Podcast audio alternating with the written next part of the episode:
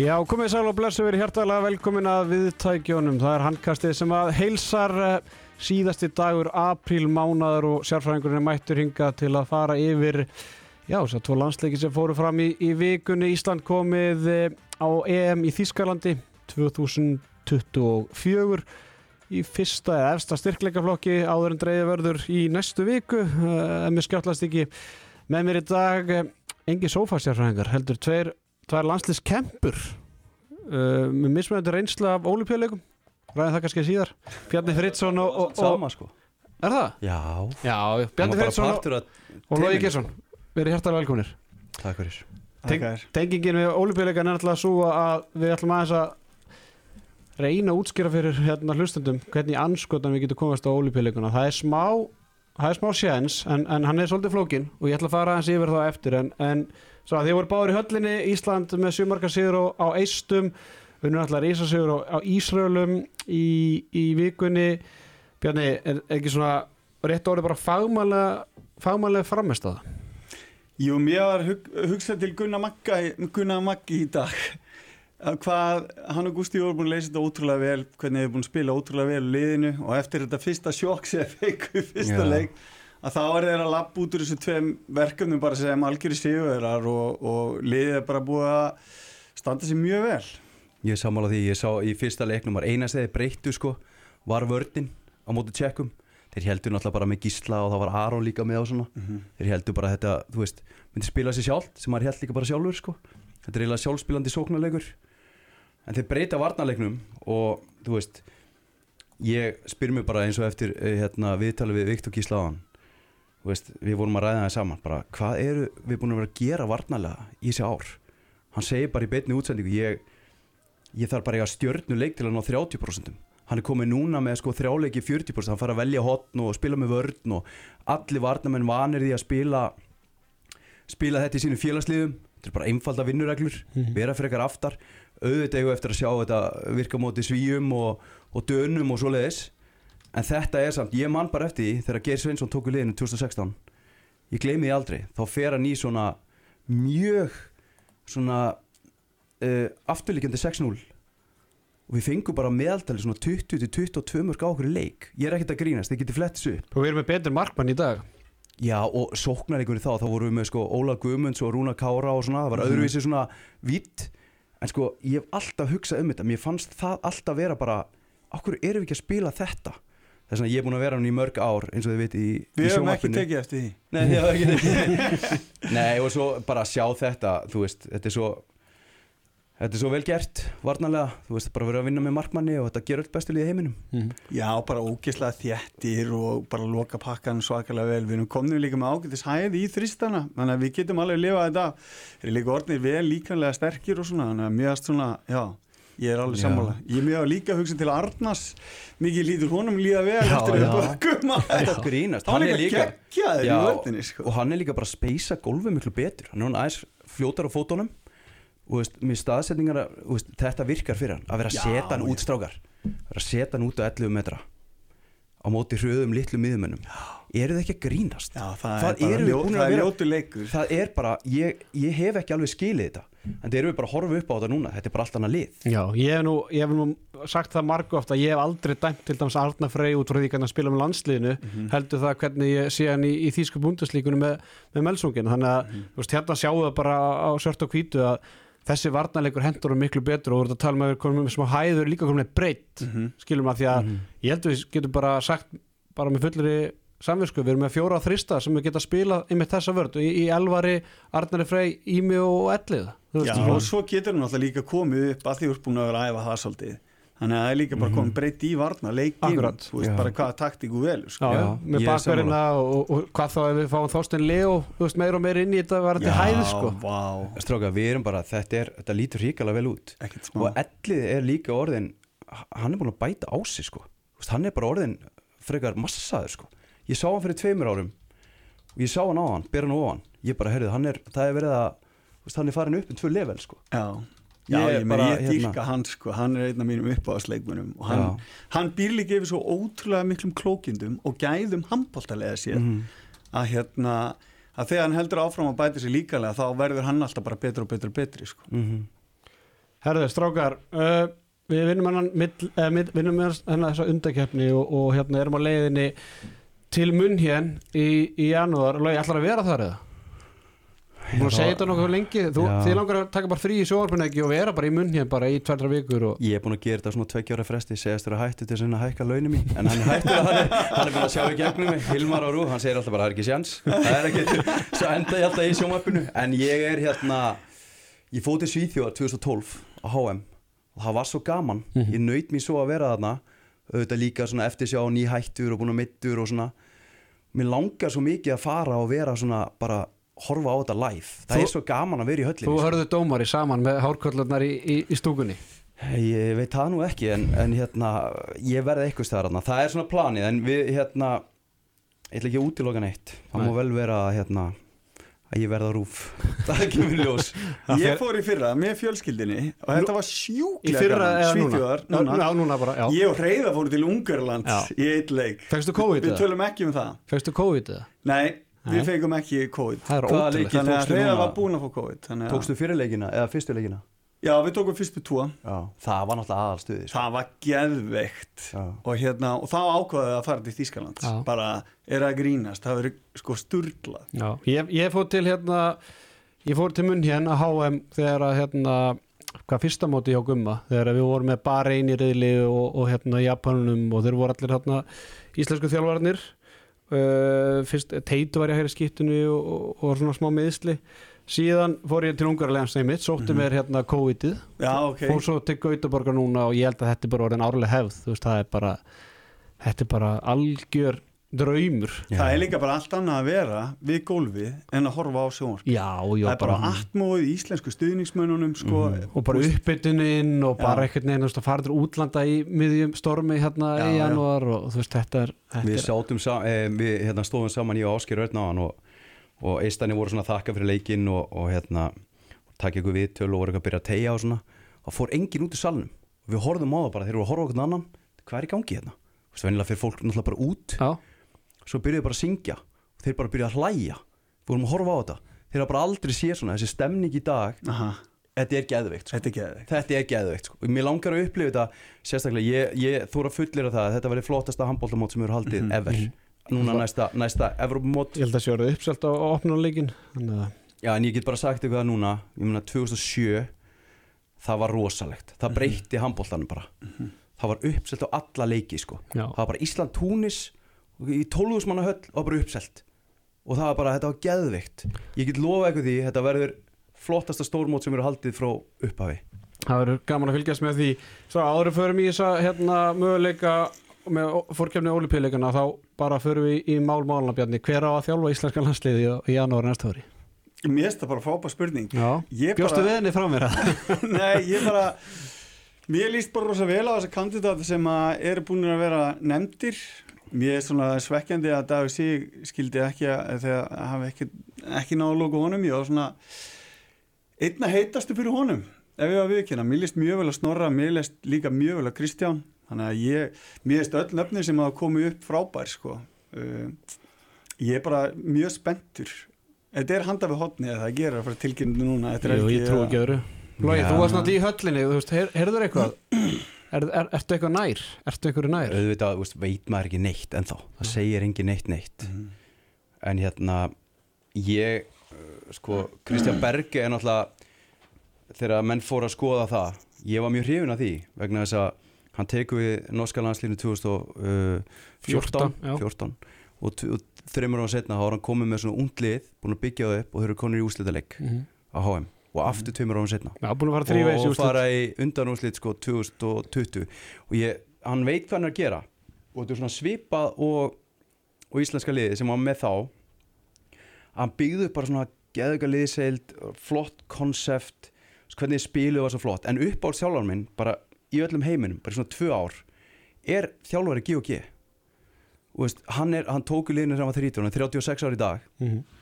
hvernig er spila, bara leikstílinn og hvað nær út um mönnum? Þetta er bara, þú veist hann var í úlingalandsliðum, ég flett honum aðeins upp var að skoða hann aðeins. Hann á nokkra, úlingalandsliðsleiki með, með dönum. Og svo fer hann bara alfyrir út í þjálfun. Og ég er svo hrifin að því hvernig hann stýrir. Ég, ég hugsaði fyrir tveimur árum þegar var ég að tala við vinn minn Sverri Garðarsson. Það er svona gæði sem ég er, við elskum að tala um handbólta ég tala mest um handbólta við hann af öllum sko. Fótboltamæðurinn Sverrir Garðarsson Já. Já, ok. Já, fótboltamæður, hann alltaf líka handbóltamæður hann var rosalur í handbólta Já, já, þegar við erum íslandsmeistar þá kom hann í liðið okkar. í vörnina. Já, bara sóknuna, setti bara, þú veist, átta í fyrirháleikum mótið fram og hann er, var undrabatt sko. Já, hann var ok. betur en Arnur Ásker sko á sínum tíma. Ég er ekkert að grínast í ykkur. Hann var svo góður, heyrðu ekki þegar Jóhann Gunnar var að tala um hann. Jú, ég hef heyrt þessu sögur sko. Já, þetta er bara, þú veist að horfa á að spila handbólt í gamla þetta það var bara, það var konfekt. Og við vorum alveg búin að spotta út innan krikká, bara hvernig hann stillir upp og leikstílinn og svo allt í einu heyri ég þetta að Kristján Bergi og hann sé að fara að taka þetta. Og ég bara býtu ok, þeir eru greinilega að vinna heimavinnu svona á hérna niður á engjateik ha, Ekki vefur er það ekki vefur? Já, ég held já, að já, það er engin vefur, nei, ég segi svona. Að hérna, ég var bara að býtu, hvernig kom hann þú veist, inn í þetta? Ég óttur að segja pappa og bróðu mínum og svona ég bara, ok, reyfina þessi þjálfari? Því ég horfði svo mikið á, á danska bolta undir Aroni. Og ég elska hérna stílinn hjá, hjá honum. En ég held að Snorri sé að fara að taka þetta. Og kemur ekkert á óvart að það yrði ég held að það sé ég held persónlega að Snorri sé að fara að taka þetta. Það sé örgulega klárt og þetta er spurning um hvort að Arnur kom inn í þetta alla sem eru ekkert verið í umræðinni uh, ég Erlingur eins og þú nefndir á Twitter Mhm. eða Patrikur. Þeir voru sko Snorri og Patrik voru sko í umræðinu fyrir þremur árum sko. Þegar Gummi hefði í raun, þú veist þetta COVID-módul til helt án minni Já, já. Hann hefði átt að fara þá, mínum mati sko.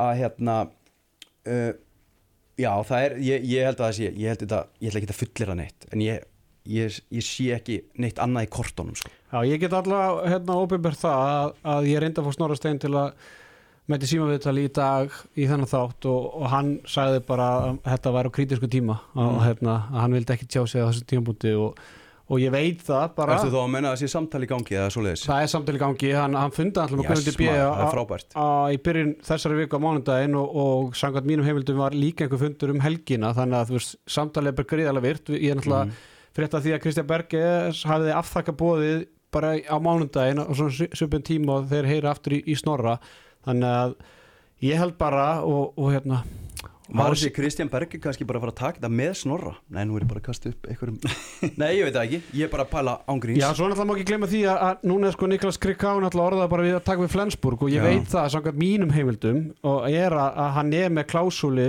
á samningu sem hjá G&G að hann getur tekið við Flensburg og, og svona Flensburg er svolítið hans, eða svona hans draumar sem þjálfari og það er náttúrulega svona bara Danmörku tengingin og Mhm. var náttúrulega, ég held að þessi er ekki tveir leik með G&G að fara til Flensburg núna í, í sumar og, og, og liðið náttúrulega stútfullt af dönum þannig að veist, og það sem ég hef heyrt er að, að Krikká verði næstið þjálfari Flensburg, það sem er samt, næsta bomba er svo að sem gerir þetta eða erfara fyrir Snorra er það að Snorri er ekkert eðla spenntu fyrir að taka veiki og gefa myndi halda. Já, þannig að úr því að Hvað er snorri með langa samning við Val? Vitið hann er alltaf nýbúin að gera samning hann skrifandi nýja samning bara eftir árumót mm. en hann, það lítur náttúrulega bara að vera klásúla í því að hann getur tekið íslenska landsleginu og, og jafnvel að fara út ef, ef, hérna, ef, ef það lendir. En, en allt í hennu sko fyrir ykkur töngu síðan þá var Snorri ekki með neitt. Þú veist að það bara Kristján Bergi var að taka við landsleginu sangat öllum og, og bara hann var að enda með val en, en núna bara út frá því að Flensburg er orðin þjálfarleysir þá er kapallin orðið þannig að Snorri það kannski bara fara að velja á milli bara herði allan að skrifa undir íslenska landsliði strax og bara loka þá á GG eða vill hann býða með það að sjá hvort að Krikká fari í Flensburg og hvort að GG hafi samfótið hann. Þannig að já, þetta er svona skemmtileg kapall sem er svolítið í gangi og, og skemmtileg þetta svona hversu mikið íslensk tenging er þarna varandi með G&G og, og hérna, þetta, þetta Flensburgar gig varandi Já. krikka á þannig að en hvað Bjarni, þú veist, íslensku þjálfari erlendu þjálfari skiptir engum máli eða hvað?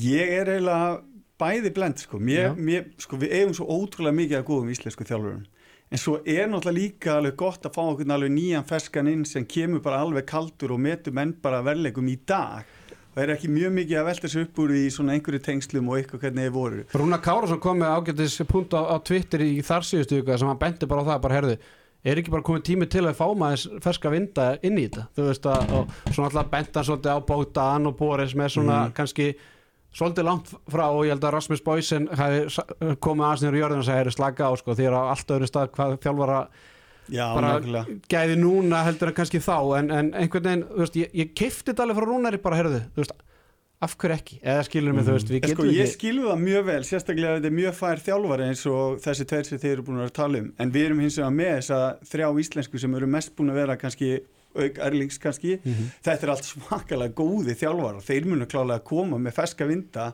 og þeir munu alveg setja sitt marka á lið ekki spurning, þannig að mér, eins og ég sagði á, mér líst bara hrygglega vel á alla þessa möguleika og ég held kannski að þeir að vera að býða eftir að klára þessa undakefni á þannig myndu klára að þeir, ráðninguna þeir sögðu Já. það náttúrulega, Guðmundur B. Ég- sagði það náttúrulega leið og Guðmundur var rekin að þeir myndu ætlu alltaf að klára Já, þessa til að leiki. vera ekki að rugga og mikið og Já, leifa bara tíma. og Gústa að klára þetta verkefni ég finnst líka sko að því að það er búið að, vera- það er búið að vera mikil stormur í kringum þetta sem ég fagna þú veist það er allir að ræði þetta og þú veist þegar maður heyrir ekki neitt það er óvissa og fólk hatar óvissu það verður að þú veist reyna að komast að því hvað er í gangi og, og svo framist Mhm. það er ekkert gefið út, ekki neitt. Nei, en það voru teknar risastóra ákvarðanir. Tímasetningar er eitthvað sem allir geta alltaf veist, kritiserað en mér fannst þessi með gumma mér fannst þetta verða að koma. Veist, það er mitt mat. Og ég fer yngar gravgötu með það, ég er búin að segja það áður. Og hérna og þeir ráða strax uh, Gunna og Gústa í þetta verkefni bara klára þessa leiki. Mm en samt var umræðan, hún var svo heit þá var- menn vildu bara vita hvað er í gangi. Mhm. þeir hafa ekkert gefið út. Þeir voru bara að gefa sér hans tíma. Já, Þú veist, ég persónulega, ég bara segi ykkur að ég er búin að horfa á snorra þú veist, hérna ég væri til í að sjá hann þú veist, byggja upp þetta lið. Ég, er búin, að- þú veist, ég var að spila með honum og þú líka Bjarni. Mm. þú veist er klár, hlusti á hann í viðtölum og þú veist, hann er, þessi gaur er smá svona séni sko og ég, mér langar svo að sjá hann vaksa með þessu liða því þeir eru allir á svona aldri, þeir eru allir fimm ár inn í landsliðinu sem strákar sko. Ég, mér langar bara að sjá hann taka það, sjáu Nikola Jakobsen í, í Danmörk, hann var að semja til 2030 hann var að semja til 2030 ég veit að maður þarf kannski ekki alveg að, að kaupa þessi tíma svona langt fram í tíman en ég ég veit bara, ég veist, ég er búin að horfa snorra hvað hann er búin að gera með þetta valslið. Þetta, ævintir er eiginlega búið, sko, finnst mér. Já, en, en maður veit náttúrulega ekki og mögulega ástæð fyrir að Snorri er ennþá að býða húninum í HSI er að hún langar ekkit eðlilega bara jafnvel að komast úr umhverfinu skilum við, bara fara í eitthvað nýtt þú veist, og eins og segir, bara ævintýri er, er eða svo þessu kapli í ævintýrinu er alltaf lokið þú veist, að, Mhm. já, hann að, þarf að byrja aðeins upp á nýtt já, já. En, en mér langar að, að hérna, spyrja það Bjarni sko, er Snor sko, eitt, ég var að hlusta á hérna, íþróttavarpið á Rúf hjá Gunnar Birgisson á með Gumma Ben og hérna Villa í Steve sér og, og Gummi Ben orðaði þetta svolítið skemmtilega, hann sagði bara ef ég myndi hitta Snorra Stein, hann bara sagði Snorri, glemdi ég að taka á landslinu, farið til Þískalands eða þú veist, njóttu þess að vera félagsþjálfari mm Mhm. hann er ekki búin að vera þjálfari í valsnum hvað í fjögur, fimm Mhm. þú veist, þú veist Mhm. finnst þér finnst þér Snorri, og nú veit ég alveg að þú myndi segja hann er frábær þjálfur og allt það, skilum, Mhm. en finnst þér, finnst þér Snorri vera á þeim stað sem þjálfari Mm. eiga að fara að taka landslið ég held sko það sem að menn tala oft um er landslistjálfari að sé svona gamla manna Já, jobb, eins og Arta. Gullöks talaði um bara með rauðvinni og eitthvað svona, já, sko. svona þú klárar hitt fyrst Já. og svo ferði en kannski vill hann bara líka búa á Íslandi. Ég held að það glemist það er kannski stór faktor. umræðinni að ég held að veist, hann er náttúrulega líka bara börn og hann líður bara vel á Íslandi og það er kannski ástæðan fyrir að hann veist, endur samdi við val og ætlaði bara að halda sig heima sko. Og, og þar leðandi hendar þetta ekki mjög vel. Veist, maður er ekkit viss um að hann vilji rífa allt upp og flytja og þú veist, líf þjálfara erlendis er ekki frábært held ég sko. þú ert bara eitthvað nýbúin að Já, koma nefnum í við sem með fjölskyldinni og allt þetta Já, en svo ertu bara rekin, skilur Já, við já. og þá bara eitthvað byrja upp á nýtt, byrja upp á nýtt Já. þannig að þetta er svona töff með það uh, Já, þannig að fyrir mína hönd bara sem, bara stuðningsmaður landslýs líst mér frábælega vel á það hvort það sé rétt múf fyrir hans feril fer bara eftir hvernig ljós. Fer bara eftir hvernig ég, gengur ég sko. er að segja ykkur að ég, ég held að hann verði að taka þetta. Það er mín tilfinning, bara fara í fullt starf Mhm. vinna svona innra starf í HSI búa til svona bílanslið þessi gaur er svo klár. Hann er með svo mikið svona bara greindin í honum Já, hann er. líka með svo mikla ástríðu og hann er með svo mikinn sigur vilja þú veist, hann er að fara að koma að inn með stormi og bara rífa alla með sér og vilja Já. vinna, veit hann er það er það sem við viljum, við viljum Og- bara gauðra sem vilja að gera landslið Já. það besta í heiminn og svo er eitt með það líka að því að þú veist þú maður þarna ég og Einar Hólkis vorum með hliðin á honum og svona Mhm. skilur við hann leggur þú veist sjálfan sér til hliðar til þess að gera aðra betri og það er, ég held, þú veist, og líka bara hlusta á hann í viðtölum og svona mér finnst hann ógeðslega cool mér bara, ég hlusta á öll viðtöl mér finnst það allt mjög áhugavert að hlusta á viðtöl við þjálfara og þannig segir núna í, í viðtalið við sögu hérna, hún bara já þeir eru þið duttu hérna út og eitthvað svona hann sagði ég veði það bara á þetta Mhm. Mhm. ég, bara, ég var bara að sjá þetta var bara tilraun ég er bara hérna, þú veist, þeir er búin að vinna sjö titla í röð Mhm. það verður engin íslensku þjálfari farið með áhuga mannalið og verið að pakka saman atvinnumannalið Já. Er það grínast? Þetta er svo borðleggjandi það sem hann er búin að gera veist, með valsarana. En svo líka, ég meina, ég, ég pældi strax sko, ok, ef hann fer, sem ég held alltaf í byrjun að hann myndi taka, hann fengi það hann er að dagur. Hver er taka við valsliðinu? Er það ADP er það Bjarni Fritz? Er það Hannes frá Alfa Hart? Að valsmenn er engir, þetta er ekkit þetta er engin miðlungsklúbu sko. Nei, nei. Þeir fara bara í stóra prófíla sko. Gústi Jó Gústi Jó. Gæti tekið þetta.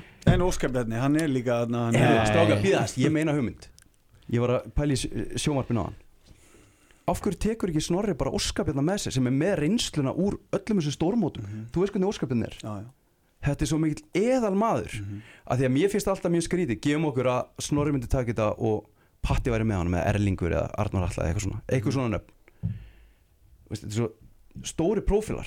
Veist, Er ekki bara eitt sem stjórna bátnum? Vitið hvað ég við? mm -hmm.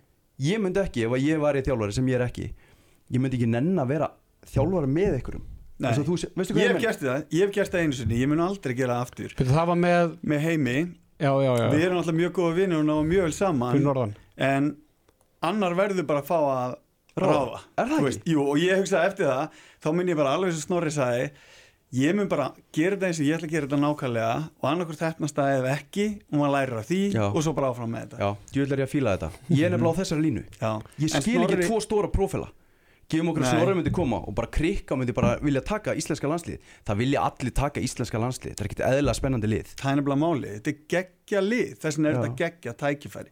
Mhm. Ég held að í raun og veru landslistjálfarinn þarf að finna mann með sér sem hann getur unni með og sem vinnur, þú veist, vel með honum Það er erfiðar ef þú ert að taka við einhverju svona stóru verkefni og svo, svo farið einhvern með þér í teimi sem að þú er aldrei unni með áður, kannski Mhm.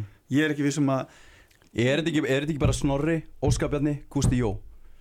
Nei, ég veit ekki, ég hef ekki hugmynd bara. Nei, ég er bara Það kemur ekki dórt að Gústi myndi allavega þú veist, vera á borði Skilur við mig, hérna Já, bara, þú veist, þið veitir hvernig hann er Hann alltaf skilur leikinn og er sigursæll og er vel liðinn og, Mhm. og toppmaður Já ég, Nei, ég bara, ég, ég Arnar veit ekki. Í, hérna, með snorra reyndar, þeir þekkjast mjög vel. Já. þeir ættu ekki unni mjög vel. Já, Arnór alveg, þú veist, sko ég held að hann væri frábær típa með hann. Já, Já. en það sem ég er að tala um líka, Bjarni að því við vorum saman í landsliðinu öll þessi ár þegar þú kemur í landsliði, þér er ekki kent neitt skilur, þú kemur bara inn með þína eiginleika, mm -hmm.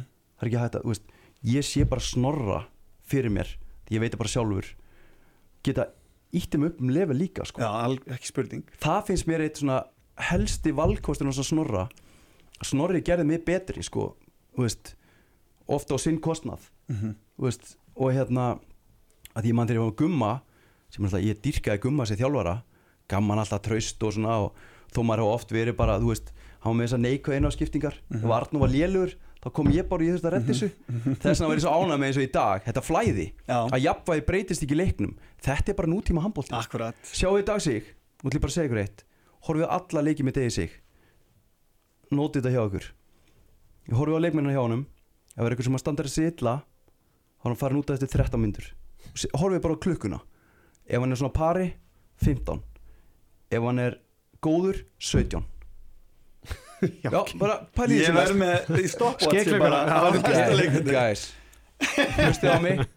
Kíkið á þetta. Já, ég gerir það.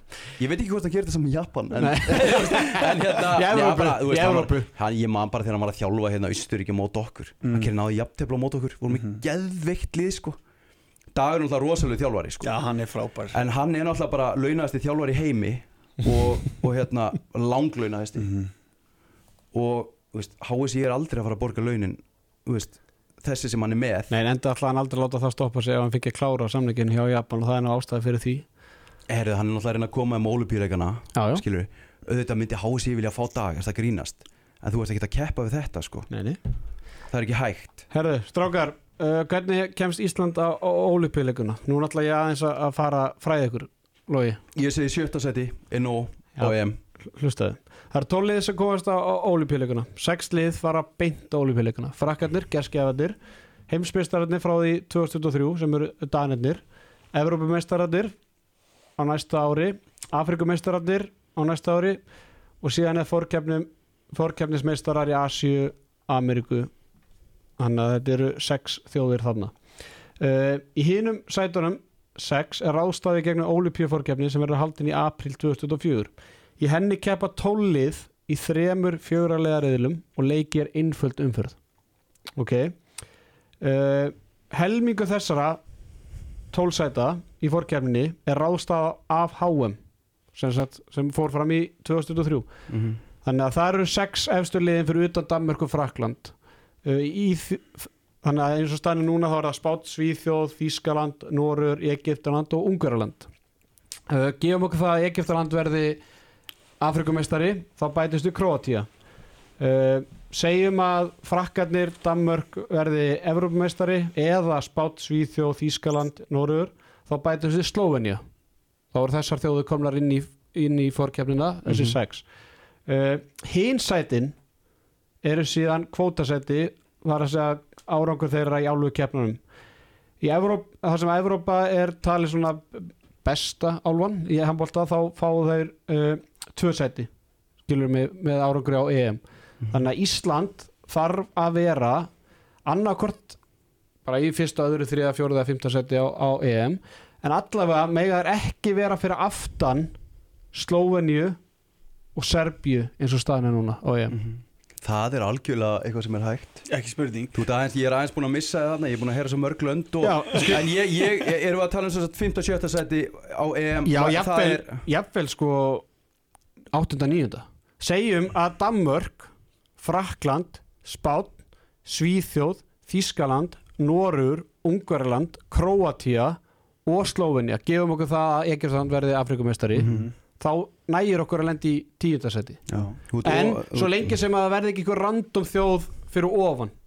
Já, Skil- og hvaða þjóð gæti það verið? Bara, þú veist, er Holland, emitt Já, það gerist ekki. Nei, þú veist. Uh, Þetta er bara döða færi Þetta. Er ekki horfum bara þetta. Bara en Þú ert sko, svo mikil handbólta heili Þú, ég bara Þú, ég, Þú ert bara með þetta, við Já. treystu Já, við veistum bara, að ég, ég fara horfði bara á hvern annan þegar þú varst að tilhættu Ég bara, heyrðu, gaurin er of mikið að hugsa um handbólta Það er bara það var þannig, sko Þannig að þú veist, já, basically nýjönda og tíunda sæti gæti bara komið okkur áfram. En það, það sem það þarf að gerast, við náttúrulega verðum í efsta styrkleikilflokki Mhm. og það er náttúrulega búið að breyta EM núna, það breytist 2020.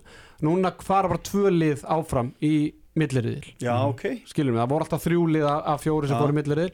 Þannig að basically bara það komast í milliriðil þá erum við bara komnir á góðan stað. Þannig að það er náttúrulega nummer 1, 2, 3, þú þurfum alltaf komast í milliriðilinn Mhm. til að eiga eitthvað chance en nýjunda sko, nýjunda og tíunda sæti gæti dugað Mhm. ef ekkert af þessum random þjóðum já, ég, veit ekki Þannig að við erum Austurríki- eiginlega í, eins og Bjarni segir Við erum í ágættis færi á að ná þessu. Já, bara ekki spurning. Vegna þess að, pæla þess í bara olimpíuleikunum Við förum hann 2012 en þá, en þá eru bara komin í þetta fórkefni þar, Já, já. þar, er, þar komast tvö lið af þessum þremur í hverju riðli áfram. Ein, að spila einföld umferð. Já, að því að við tökum, við förum 2004 að þennu 2008 Peking 2012 London. Svo kemur bara þurrkur. Mhm. Rio 2016 erum ekki þar. Tokyo 2020 erum ekki þar. Og erum mjög tæpir inn núna 2024 Þú veist, og þetta er og við, vitum það að þetta er stæðsta sviðið. Það vilja allir komast að þetta var markmið að skumma gum þegar hann tók við liðinu Já, sko. já, ekki spurning. Þetta var eh, num, number one Já. markmið hans að koma um olimpíuleika sko. Og Ólipíuleikar er líka mótið hans. Hann elskar það. Já. En búin við að vinna erum- bæði silfur og gull tók náttúrulega gulli með dönunum. Já. En við Og- erum á sama stað og við vorum á hérna 2008 Þá einmitt Vor, þurftu að fara krókulegina á, á og áttum ekki frábært EM í Norri Úff og einhvern veginn tappa eitthvað lið og eitthvað og við bara eitthvað duttum henni í já.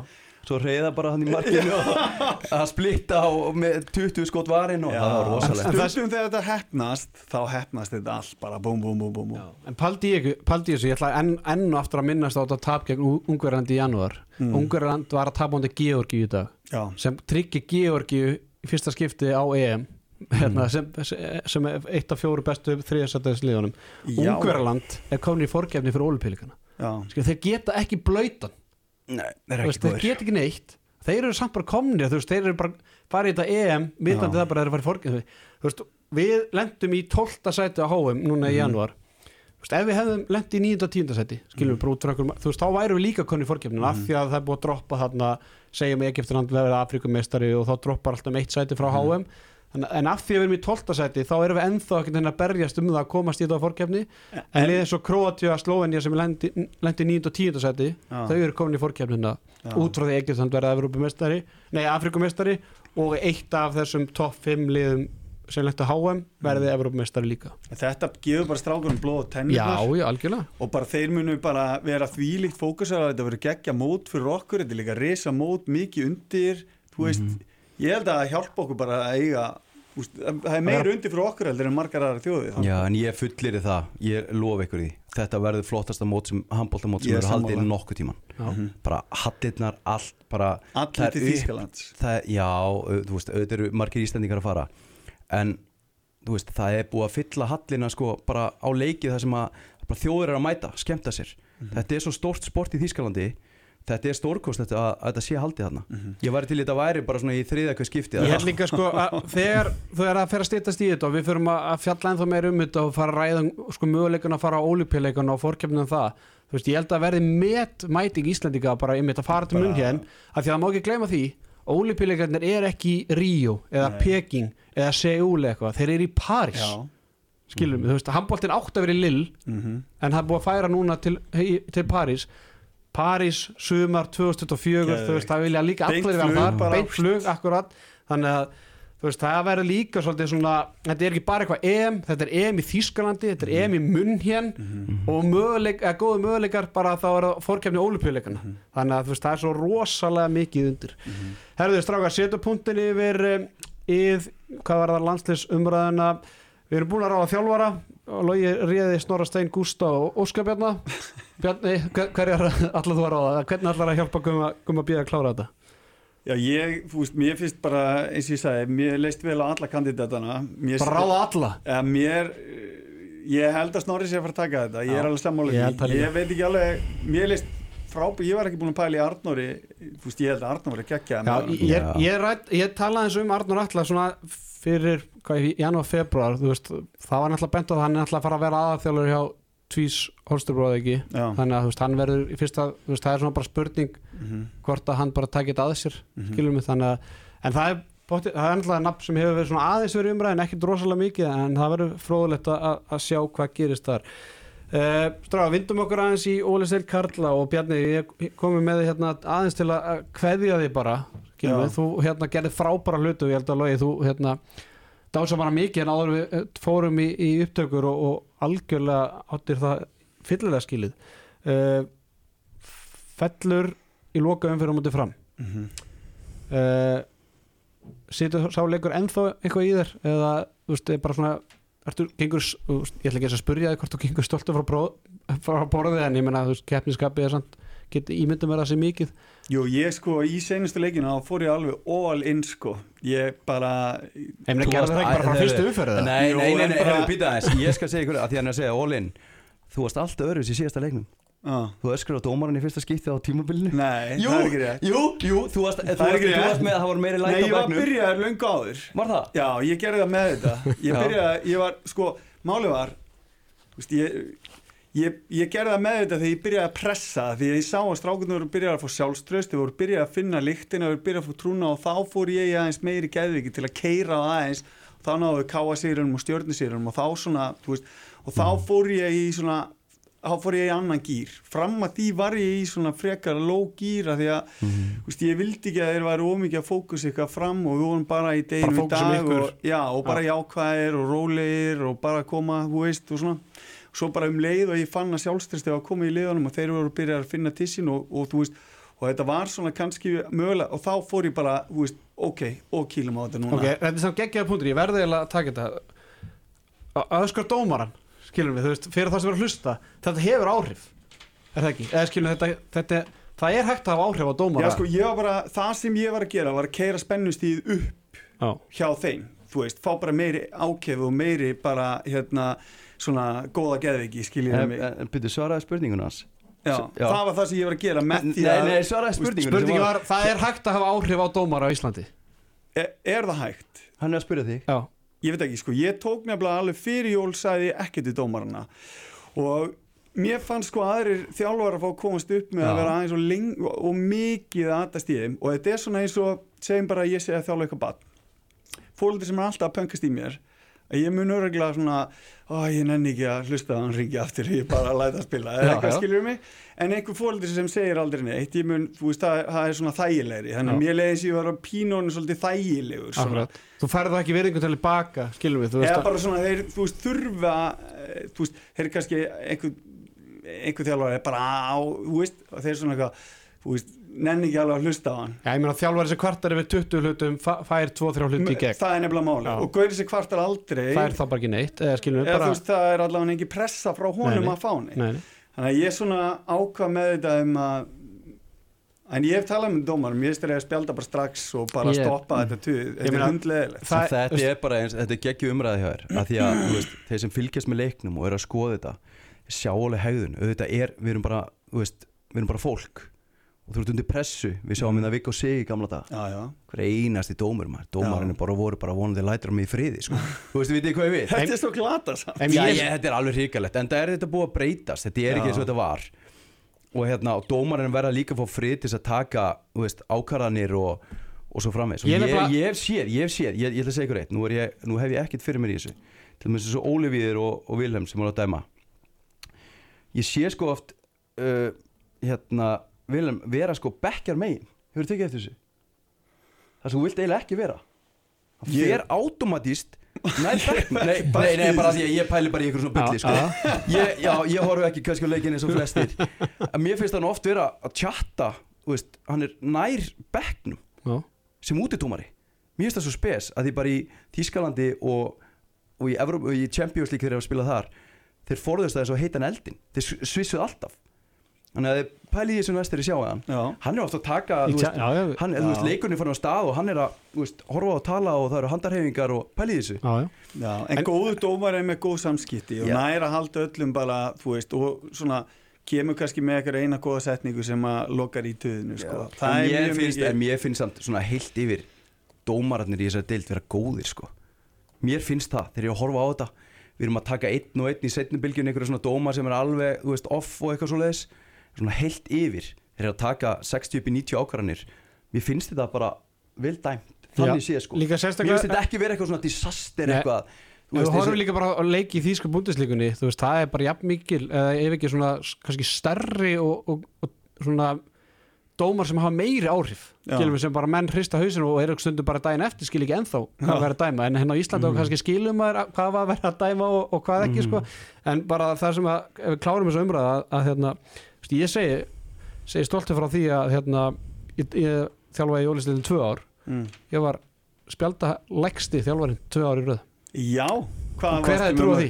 Ég, ég var bara, Ég held að Maxim hefði því. átt helmingin aðeins sko Þetta nú var- er þetta klínist á hann Já, já, Já. bara rússa En það er kannski, það er eitt sem ég langar að bæta við. Mér langaði nefnilega, eina ástæðin fyrir ég ákvað að segja ekki dómarinn fyrst, mér langaði ekki að strákanir gætu haft það sem afsökun fyrir að vinna Já, ekki ég var bara að vinna með nákvæmlega sami grótinu sko. Þú veist að bara um leið og dettur inn í dómarituð að þá svona fara allir að vorkina sér og bara, já, já, þetta við getum ekki inn í dómarinn á móti En það sem ég tók ég mitt eftir að sem þú ert svolítið að vitni í er að það fór samt ekkert eðlilega mikið töðanamla þegar maður horfið síðan yfir hinum Já. en á tímarborðið þar sem að bara stórlagsar eins og bara Patrik Ur eða Aron Kristjáns eða hver sem er Mhm. þú veist, fengu bara einhvern veginn að útskýringar líka. Já, bara- um útskýringar. fengu bara að láta eins og hálfvita. Já, frá bara Nei, það er kannski ekki alveg rétt. Þeir, þeir, Það var mjög oft og líka Snorri gerir þetta stundum Hann er að spyrja af hverju, Hva, Já. hvað varst að dæma? á?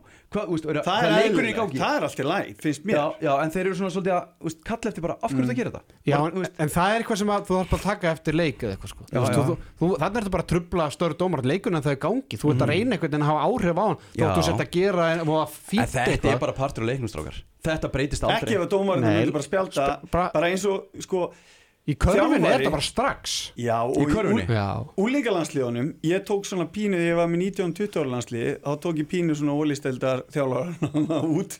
Og ég, hann kom bara tímmin eitt þarna sem var svona yfir dómanni hann alltaf aftast kemur tímmin og bara eitthvað, þú veist, og hann bara eitthvað er ekki allt í góði hérna, eða hvað bara, þú veist, og hún er fast að bara fána hann tók mig bara í svona one on one spjall bara eitthvað, þú veist, við erum ekkert svona hér. Nei Það er allt önnu dýnamík var þessi stómarinn á svona stórmótum sko. Já, En við mér erum finnst alltaf, það- er margir svo vinir hérna, þetta er allt svo vinalegt og einhvern veginn, eitthvað, menn að taka svo persónlega, menn er eitthvað, og mikið, eða skilum við, þú veist að að- að það er of mikið samband einhvern veginn á milli þjálfara, leikmann og dómara þú veist að þetta er ekki, Ég sé virðingin það er ekkert utan- rosalega Ég sé þetta sko. utanfrá ég, ég sé það ekki sko En það má vel vera að sé þannig sko Mér finnst heilt yfir dómarinn í deildinni vera bara frekar þú veist, bara góð lína, virka bóða megin þú veist, ég var hérna ég man bara þú veist, 2016-17 þá bara leiði ekki umferð þar sem ég var ekki bara hvað er í gangi hérna sko?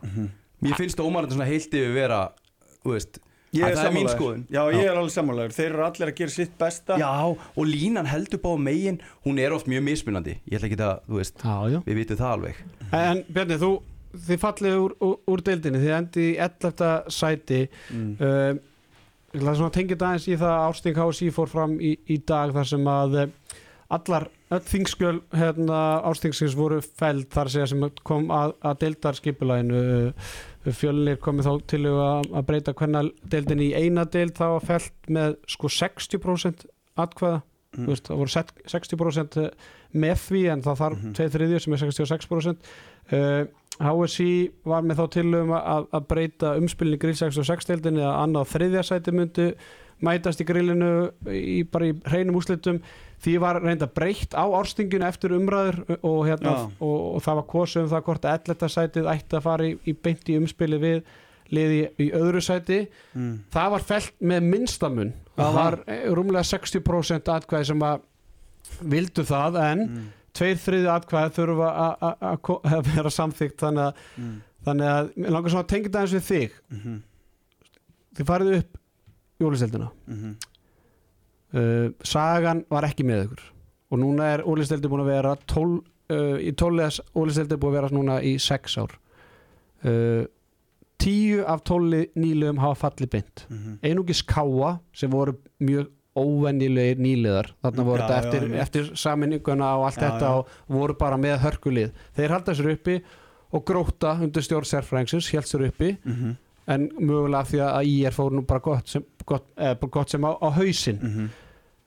þú veist, hvernig fer maður í þessa deild og hvernig finnst þér þróunin vera hvað þetta var menn það er stór gjá á milli ólisteldar og grilldeildarinnar Ég held sko að punkturinn er þegar þú kemur upp og þetta er náttúrulega eitthvað sem er búið að breyta síðastliðin ár og ég held þessi punktur sem er kannski í vannmetin það er ekki verið rætt náðu mikið um hann að núna byrjar að opna þessi glukkin í janúar. Það þýðir að þú mátt byrja að tala við leikmöfn og undirbúa næst tímabili í Já, janúar þetta breytist fyrir svona tveimur árum Já, síðan þetta er ekki 2-3 ára, Já, já. venjulega var þetta fyrst í mass Já, eða eitthvað. Fyrst í mæ, já, já, mars, april já, já. Já, þetta var þreim mánuðum setna Já. Þannig að það sem er að gerast núna eins og íliði kemst upp eftir umspil og þú sér að umspil er ekki eins og búið ennþá Nei, og það er komið sumar Já, já.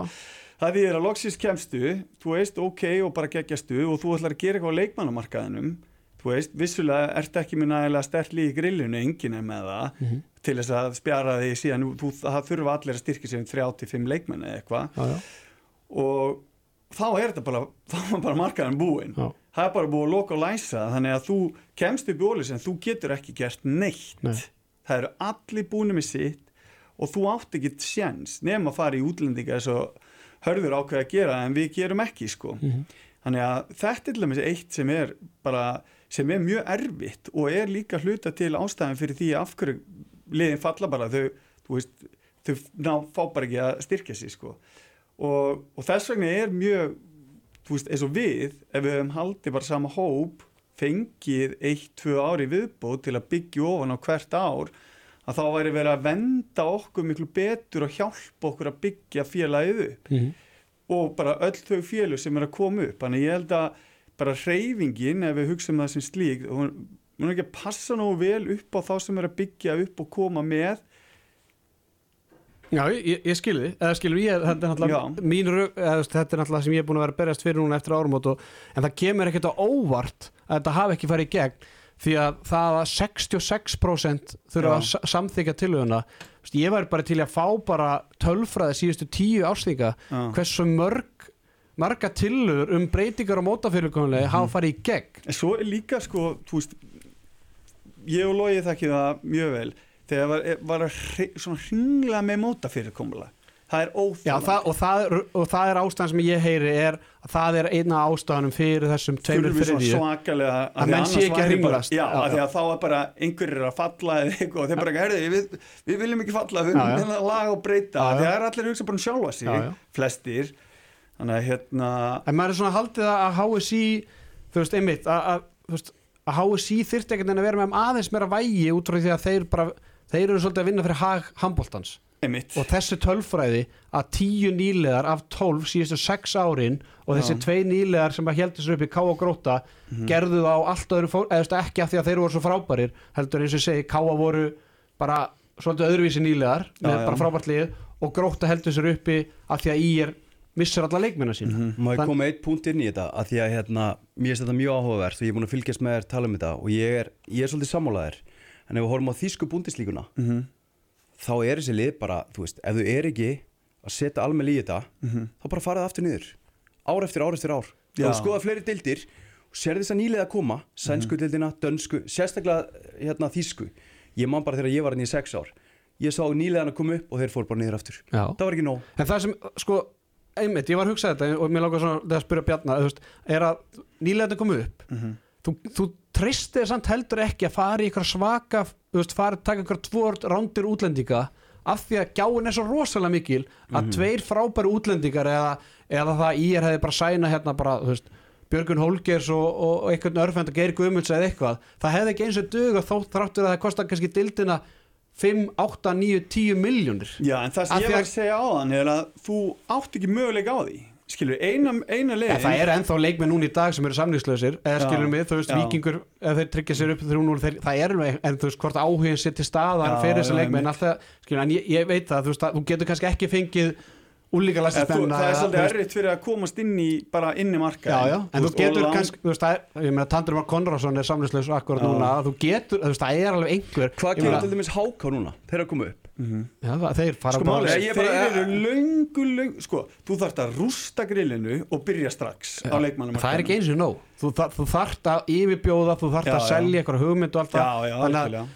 þannig að veist, meina, við fórum upp í, í COVID-inu mjög seint við náðum samt í Mm. tíu leikmenn. Veist, en þá var bara innan gesar bara hefnir, það var bara Mm. mikið af leikmanna veltu og allt þetta, síðustu tvö ár hefur ekki verið neinn leikmanna Nei, það velta er allt bara, Það er- skoðað núna? Það er bara, liðin eru orðin ógeðslega góð í því að framleggja, Já. að tryggja sitt lið og það er orðið svo mikið fagmennska í kringum vinnuna hjá flestum liðunum. Já. Að hérna reyfingarnir eins og voru þetta fyrir nokkrum ári síðan það er orðin svo miklu, miklu, miklu ég meina, Já, sérstaklega leikmenn COVID-reyfingarnar Já. voru náttúrulega mest, langmestar Já. Þú bara ef við skoðum bara hérna hreyfinguna á leikmannamarkanum þá kom bara í COVID-inu, það var náttúrulega bara allt í steik menn gátt ekki borga laun þú veist, og samninga voru eiginlega bara svona dett út af því að menn gátt ekki staðið við samninga. Menn vissu heldur ekki bara að ætla að vera áfram í þessu þú veist, nenni að spila hérna. Já, fyrir tóm húsin eða æfa endalist og ekki er leikir þetta er orðið miklu meiri fagmennska núna sko. Þetta, er me, þetta er miklu fast, í fastari skorðum. Já. en þetta er svona, þú veist, ég, ég skil ekki alveg vekkferðina ég, ég, Mhm. ég skil ekki, það, það þarf ekki að breyta þessu þú veist, það, við getum ekki bara ár eftir ár eftir ár að nýlegaðnir ég meina, í er frábærir eða frábærin að geða bara frábæri í því sem þeir gerðu gekk ekki eftir HK í fyrra bara gerðu Frábærir eftir frábæri bara, hver, er, hver er hugmyndi þín þá, hvað væri hægt að gera til þess að það er að 11. sætið færi umspil og gæti fallið. Ef, ef annað sæti í grillinu. Já. er betur en 11. sætið þá eiga að skila að fara upp. Já, Já, ég, ég, ég er alveg og líka. Það ég kaupi það alveg, ég er líka alveg það, að ef fyrsta sæti í grillinu sem væri þá háka núna mm. þeir fara upp og hugsa, við getum náðu þessu 11. sæti Já, skilur mig, þú veist, og þá getum við farið umspilið. það er ekkert, þú veist, mér segjum bara eins og Já, ég, ég, er al, ég kaupi þetta algjörlega segja þegar með háka þetta. vikingu fór upp í fyrra Mhm. þá er þá er komið tvö reykjökufélög sem er að koma upp þeir að sækja í sömu bitana Mhm. skilur mig þannig að þú veist þeir að rempast í að fá íringar þessi fjallu skilur að fór einhver íringar í háka og einhver í viking og eitthvað svona sko veist það er verið að sækja alltaf í leikmenn eða hjá liðunum sem er að falla Mhm. þannig að það er ekki í staðið fyrir að það er kannski eitt sem fellur Mhm. Þá er ekki, þá er ekki verið eiðilega tvölið. Nei, og þú fær líka rými til, Til- að vinna. já. þú fær smá vinnu eins og hákáðingarnir voru að gera frábæra hluti fyrra. Hugsaður að þeir haldi sér haldi einari bara haldi þú veist Já, og já, bætt ofan að kannski tveim leikmenn og áfram og áfram. Akkurat. en í staðin ertu bara en ég, ég er 100% sammála. En það, Já, ég líka, ég kaupi þetta alveg Já, glæða, þetta eigur líka bara breyttina við viljum ekki hafa bara einhver nokkur geggjulið og hins síðan bara eitthvað. Nei, nei. við viljum bara einhverju koma óvart og, og veist, fá fleiri góð lið það er markmið og líka bara eins og ég hef margótt sagt, ég hef sagt þetta við, þú veist, vikingan og allt þetta.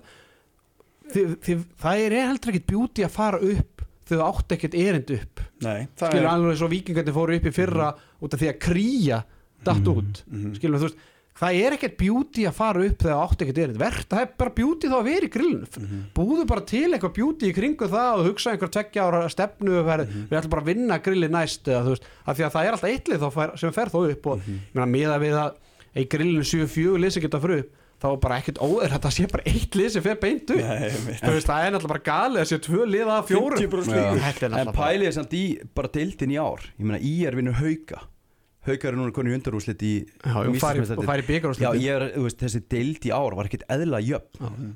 Þetta var geðveik deild. Já, já. Þú veist, þú varst ekkit að horfa á okkur umferði Þú varst bara hérna, fyrsta, annað og þriða seti var bara, hérna, við erum aldrei að fara að sjá okkur jafna leiki. Það voru Mhm. margir leikir, þetta var allt svona Já. Þetta var allt leikir. Þannig að en það er, er mikil vombriði innan, innan eh, fjölskyldu sérfræðingsins að, að þetta, þessi til að hafa ekki farið í gegn, en ég set náttúrulega enn og eftir spurningmarki við félugin, ég meina þú veist að, að það HSI hafi komið með þessa tillugu um það að sleppa umspilinu, þeir fóru svona millefinn, þeir þorðu greinlega ekki alveg að hlusta á sérfræðingin og voru að vonast eftir að eitthvað, ég, mér skilst að Káa hafi komið með þessa tillugu með 11. seti farið í umspilið, en allt og seint. Þannig að það, svo umræða kom svolítið flatt upp á menn á þinginu sjálfu.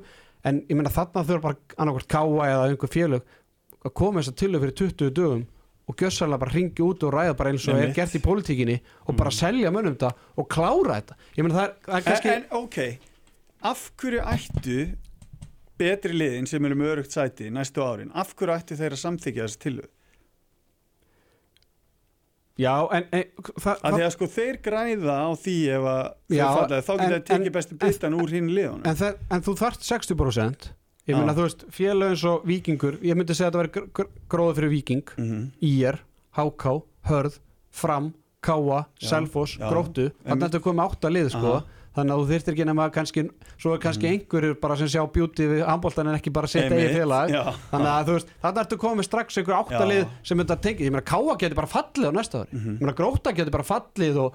Já, alls konar. Selfoss og alls Þú veist konar. ekki hvað gerist. Nei, nei, þannig að þú veist þannig að þannig ertu komið allavega átta lið sem þetta bara Mhm. hefur mikil áhrif á en, en ég skilði þetta uh, en ég, þú veist ég já, allavega, þú veist að, að ég mér skilst þetta að muna einhverjum einu, tveimur atkvæðum. Já, samt var þetta engin undirbúningur og það er ekki verið að selja neinn atkvæði eða, eða slíkt. Þannig að, en þannig fórum um sjóferð þá.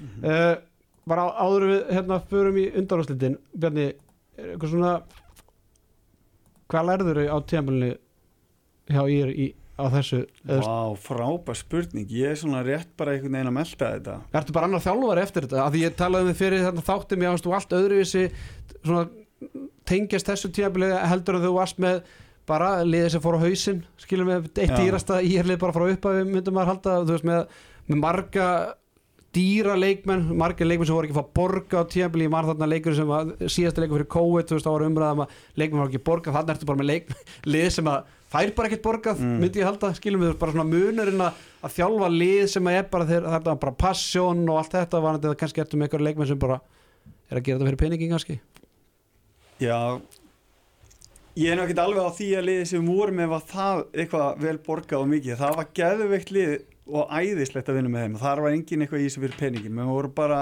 það var Þú varst með liðsheild. seðil í liðinu sko, það, segir ímislegt sko. Það þarf að rífa hann á floti í þessa deild aftur. Já, já. Heyrðu, Við verðum að fá hann inn í þessa deild. Ég er að segja ykkur er í grillið. En hérna eh, ég áka bara allt öðru sér nálgun í bara, þú veist, hvernig ég hef þjálfað. Þannig ég hef þroskast hrigilega mikið sem þjálfari og lært ótrúlega mikið þannig að hérna, þetta var hrigilega skemmtilegt þetta var ótrúlega góða áskorun og ég var rosalega stoltur af strákunum hvernig þeir bara heldu haus, heldu áfram og við prófum rosalega mikið að því að maður alltaf einhvern veginn að reyna að grípa einhvern veikleika til að grípa einhvern leik til að ná einhvern sigur. Að þetta snýst bara um að ná einhvern eitt sigur hér, einn eitthvað svona og, Og það er það sem þið gerðuð, skilum við, við voru bara einu framsegir Þannig maður basically var- frá Við vorum þessu að- sko Já, vorum að splitta vörn og vorum eitthvað svona og bara prófa alls konar sko. þannig að jú, það var bara rosa margt sem maður tekur út úr þessu ekki síst bara hvernig maður nálgast leikmennin á samskipti og svona Mhm. það var, ég til dæmis bara hækkaði allar röddina bara í svona sex mánu ég nú aldrei áður gert það Það var fyrir að þú byrjar að öskra á dómarna Herru, þú ert búin að missa Viktor Sigursson í, í val mm. Er það var að missa fleiri leikmenn eða? það er bara restir á samningan að ég, veist, maður veit aldrei hvað gerist. En, En það er allir á samning og við erum ekkert að fara að beigja okkur eitthvað niður eða, eða leggjast bara leggjast og gefast upp sko. Nei, ma, ég hef svona stundum hugsað þú veist, eins og hérna Háko, nei, Dagur Sverrir í hérna í Dagur Sverrir, hæri skiptaðin skilur mig, þú veist, það væri hagur í er að, að lána til dæmis, þannig að hann fikk bara Mhm. ennþá meiri þú veist, af því að, tölum það, ég meina, það er bara næsta ári fara tvöliðu upp mm -hmm. og ég mér skilst að, að Kórdrengi sé að leggja upp laupana þannig að Mm. það verður bara sikli sjálfgefi bara hvaða lið fari í, í, hérna, í undanúrslitin í, í umspilið þannig að þú veist, í er að þú veist, menn, ég man þegar ég tók í grótt og hann er skrim fór í stjörnun og láni, kom Mhm. svo bara það var, voru við basically fá nýjan leikmann inn, inn að gæsalappa, er það eitthvað pæling hjá okkur og það er einhvern veginn að lána? Það hefur ekkert komið upp neitt. Það er engin að pælja neitt í því Nei. allavega núna sko. Þú vilt halda þínum hóp eða, eða að sjálfsög vil ég bara vera með stert líð og ég get og byggja ofan á það, við erum að koma með ótrúlega flotta kynslu að handbóltamennum sem er að koma upp núna og dett inn hver á fætur öðrum þannig að svakalega svakalega spennandi strákar að koma upp þannig að ég vil vera með eitthvað kjarna og byggja og pota þeim inn í með þeim Já. að sjálfsög. Ég er að koma aftur inn á 80-82 kynnslóðin Já, það er Er að koma 80 kynslu en er að koma sko sinnum tveir, Er það? er það ekki? Jú, jú, það er svona, það er Já, svona. þeir eru allan að allan á Já, ég þekki ekki alveg 80 ég þekki ekki alveg 80 kynnslóðin en Hún hún, var rosaleg, þið var Já. hrikalega góðir. Ég er, það, hún var mjög góð þannig að ég er svona en ég veit hvað það tala um, mjög efnilegan hérna fjóraðaflokk og, og hérna. Fór líka margir í landslið og í atvinnumennsku og bara úr þessum hópaðna Það var alveg Við geggjaður vonum það allan já, við- ég er sammála því. Herðu, strákar, undanúrslitin, þau eru framöndan F á IBF og afturlík haukar Logi, kemur óvart að þessi fjögulið séu komin í, í undanúrslitin F á IBF og afturlík haukar Ég held nú að Valur myndi, þú veist, sigla haugunum sko En, þú veist, þeir voru bara orðnið það laskaðir þú veist, það bara bensilusir Já, þetta var, þetta var bara sprungið Það var, Mm. ævintýri var bara, þú veist því ég finnst miður. alveg aðeinlegt sko. Já, ég Já, bara, út, þú veist út frá því hvernig Snorri tók bara tímabilið eða skilum við að horfa á, á Já, ég spáði völsurum í þriðja sæti sko, ég held þetta myndi bitna á deildinni. Mhm. Mér finnst eiginlega ótrúlegt að þeir skildu halda deildinni og vinna hana sko. Mhm. með að við álagi í, í En, hérna enn og aftur, Snorri bara tók það ákvörðun að taka deildakerni bara mjög alvarlega þannig að þú veist, hann vildi er- ekki missa rithman nei, nei. Nei og þú veist, ég man eftir bara... hann var, hann var spurðið spurningar sem að ég er svo hrifin á hann með viðtölum, hann er flottur. Þú ert líka mjög góður í viðtölum, Bjarni. Okay, að hérna, hann eh, þú veist, hann tekur svo mikla ábyrð Mhm. Hann sagði bara, "Heyrðu, ég veðið á þetta Mhm. ég er búin að vinna ykkur að sjö titla ég er í Evrópikeppni, hérna við erum konir í sextalega úslit og ég er að fara veist, á Ísafjörð veist, ég nenni ekki að láta varaliði spila og missa dampin Mhm.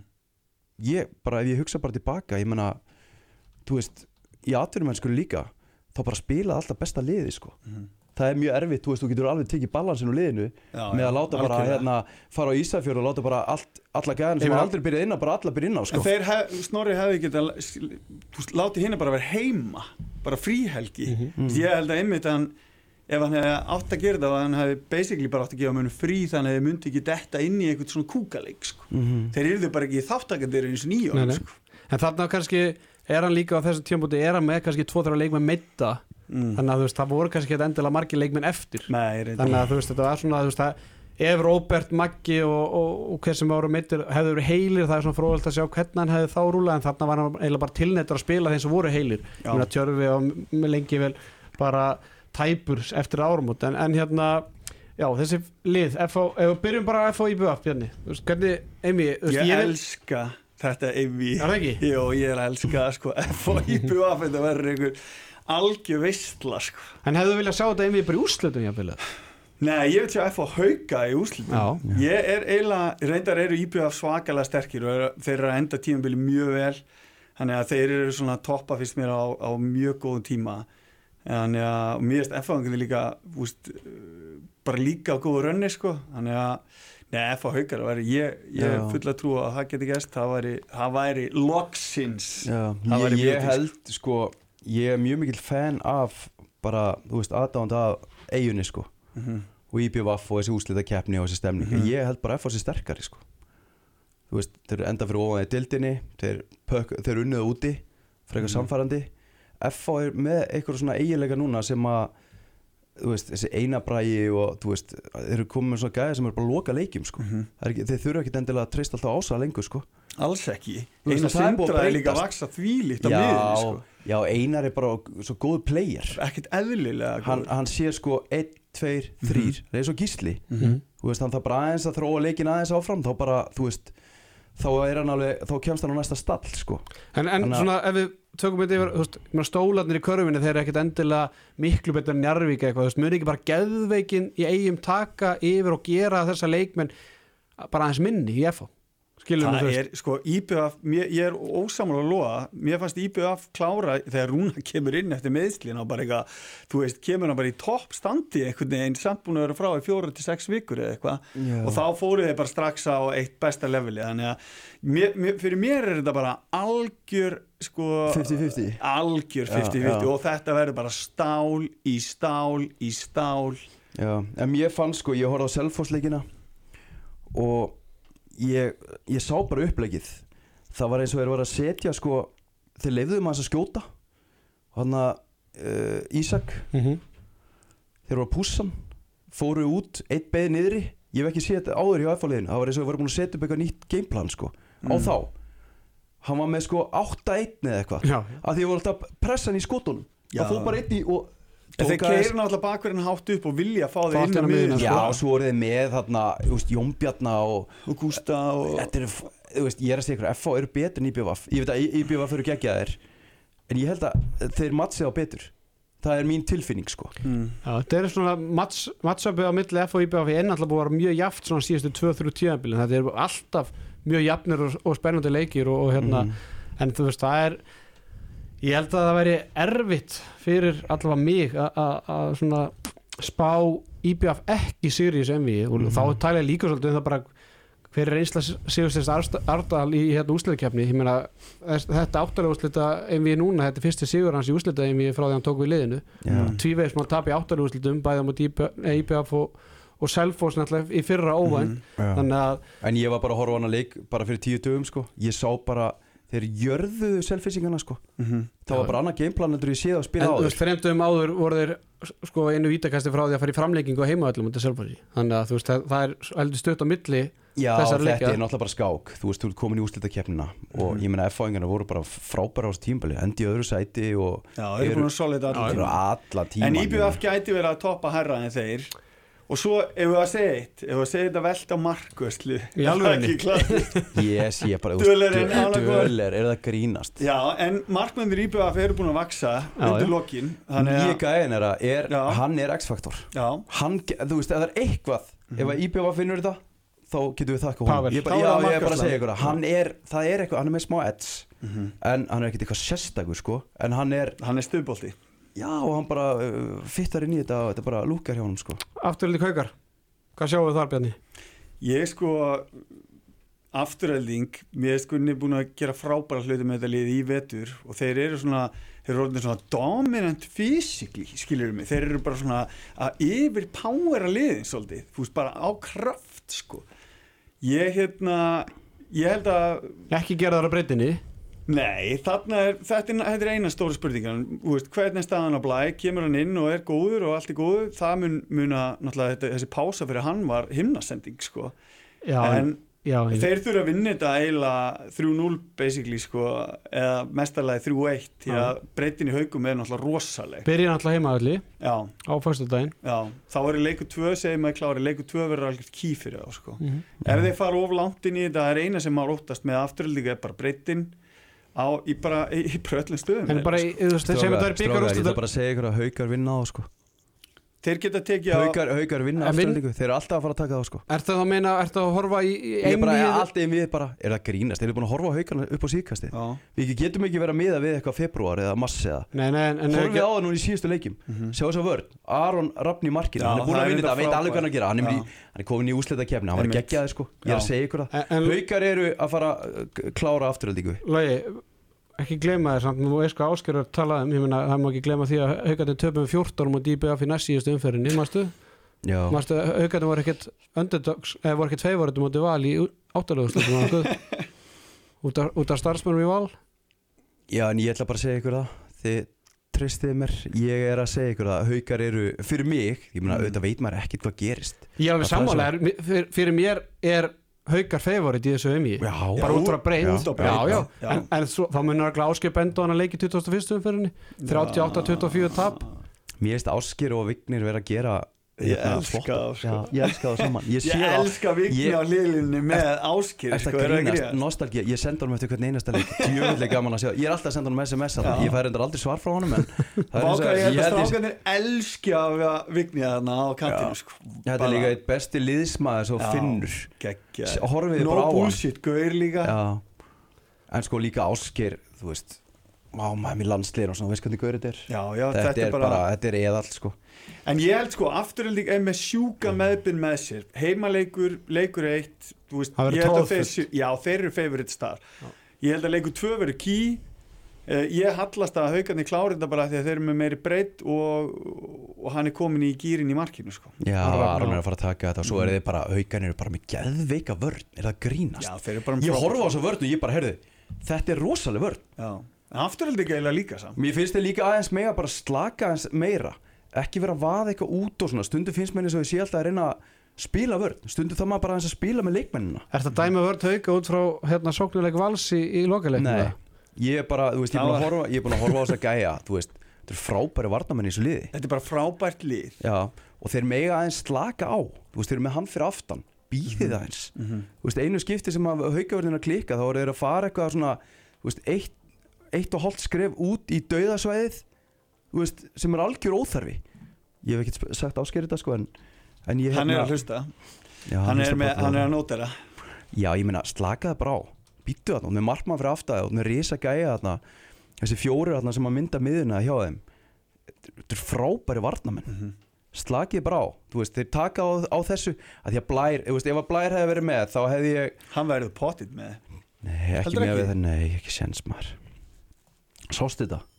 Ég lappaði á mótunum á landsleik fóturinn, sko. Ég lappaði á mótunum áðan á landsleiknum og hann var ekki hafðan Já, Bjarni, Já, þetta er Gunni Magg hérna. Hvernig vinn ég haugana?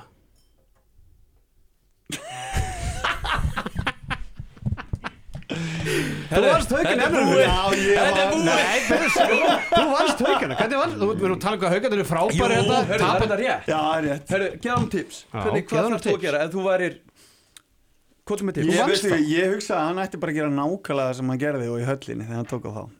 Bara power.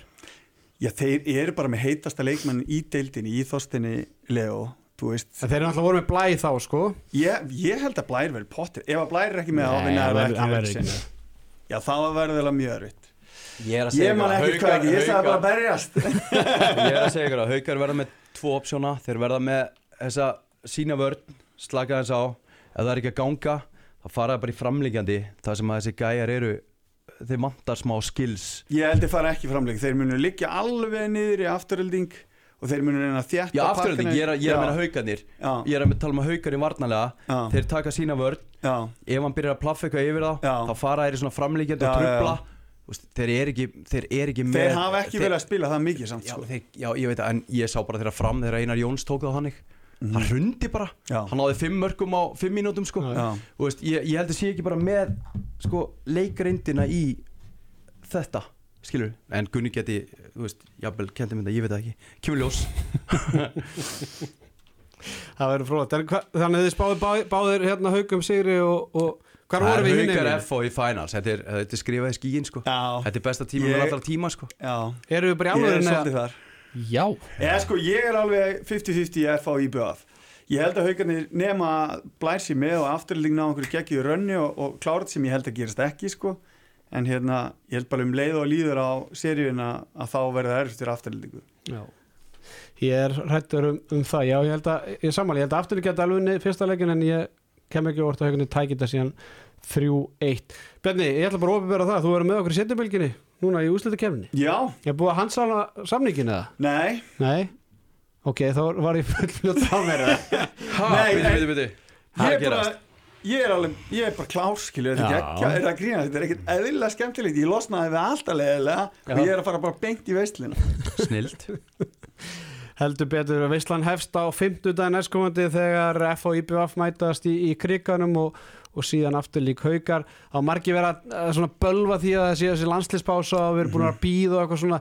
Ég sé bara bjúti við þetta, núna er karvan svona alveg að klárast við erum búin að hita vel upp fyrir undanvæslitin og svo bara byrja Veislan.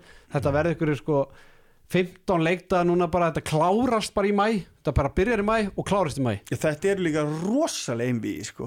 þetta er ekki, það er við erum ekki að fara að sjá neina leiki nema bara alveg nýfjant og, og menn er að fara að berjast upp og lífa döð sko. Já, líka að vinna þrjá, það er alltaf gaman. Já, Og svo líka bara, sá eitthvað Gunni notaði Þorstein Leo lítið í þessum leikjum. Það við eitt sem var að kvíla Já. ha, Ég er að segja ykkur það. Ég held að kæmi bara eftir 5 mindur í setna áleik Nei, Nei. hann fekk síðustu Hann er bara já. hann er bara aðeins að lifa um að Já, prófa það er alveg nóg. aðeins. Já, já, það er hérna hann fyndi þess að þess að tala um einhver, einvíi já. þú veist og besta Ís- eða lið Íslands söguna bara síðustu áratuna er náttúrulega ekki með í rundanúslita En einvíi það, kannski er það bara ástæðan fyrir þeirri styrlu einví já ég, er- ég er að segja það þú veist, það er Þetta kannski er já við myndum horfa eins og öðru á þetta ef Valur væri hann á veist, þá væri við bara svona herrið þá engi eða skilum við en þetta þá þetta er svona Mhm. Þetta er meira spennandi, maður veit ekkert hvað gerist. Þetta er bara eins og í byggarnum Þegar. Valur var ekki með. Já, bara Það var var geggjað geggjað, sko. Geggjað. Já, já. Algjörlega, herri, sammála því. Herri, ég held að þáttur verði ekki lengri að sinni. Við sjáumst uh, Já, ég held ég verði bara inn aftur á föstudagskvöldi eftir að leika aftur líkur og hauka líkur við verðum hérna í góður, góður manna hópi. Bjarni Friðsson, takk hjá fyrir komuna. Hlaka til að sjá því í setnubilginni í úsleitakefninu sjálfur Logi, Má ég byggja um óskalag Losing it með Fisser í lók uh, hérna í lók þáttanins keira það svolítið út svona í hérna að því það er svona uh, lægi sem að Steven DJ endar alltaf á sko. Þegar hann Endar kvöldið, hann endar alltaf kvöldið á þessu þegar hann er að spila. Já. Og hérna, hann var svo flottur í kvöld ég hugsaði, herri, þetta er, þetta er hérna þetta er tilenga honum, Já, þetta er rosalegt lag. Var hann að DJ í, í sko, ég var að mynda að hugsa, hann var að spila landsleik í dag það er alltaf frítagar morgun, ætla að segja DJ í kvöldi Þú ætti nú að vera með það á hreinu. Nei, ég er ekkert í þessum maður. Erum við að tala um þetta hérna? Já, Logi er farin að hrista á sér brjóstöðuna Erum við að tala um þetta hérna? Spilum þetta, klárum þetta. Það er enginn að fara að slökka á þessu podcasti fyrir þetta lag er búið, ég er að segja ykkur það Hækka aðeins í þessu, getur ekki hækka þetta aðeins? Svo kemur droppið. Þetta er veistla Það er veistla framöndan, úrslutakefnin Þetta fyrir Steven eða? Þetta fyrir Stíven Ég fór og talaði við strákana sem voru að hérna sem voru með músikin í höllinni. Ég sagði strákað þegar Stíven skorar seti losingið með Fisser og þeir gerðu það, ég var svo ánað með það. Þetta fyrir hann, fyrir Stíven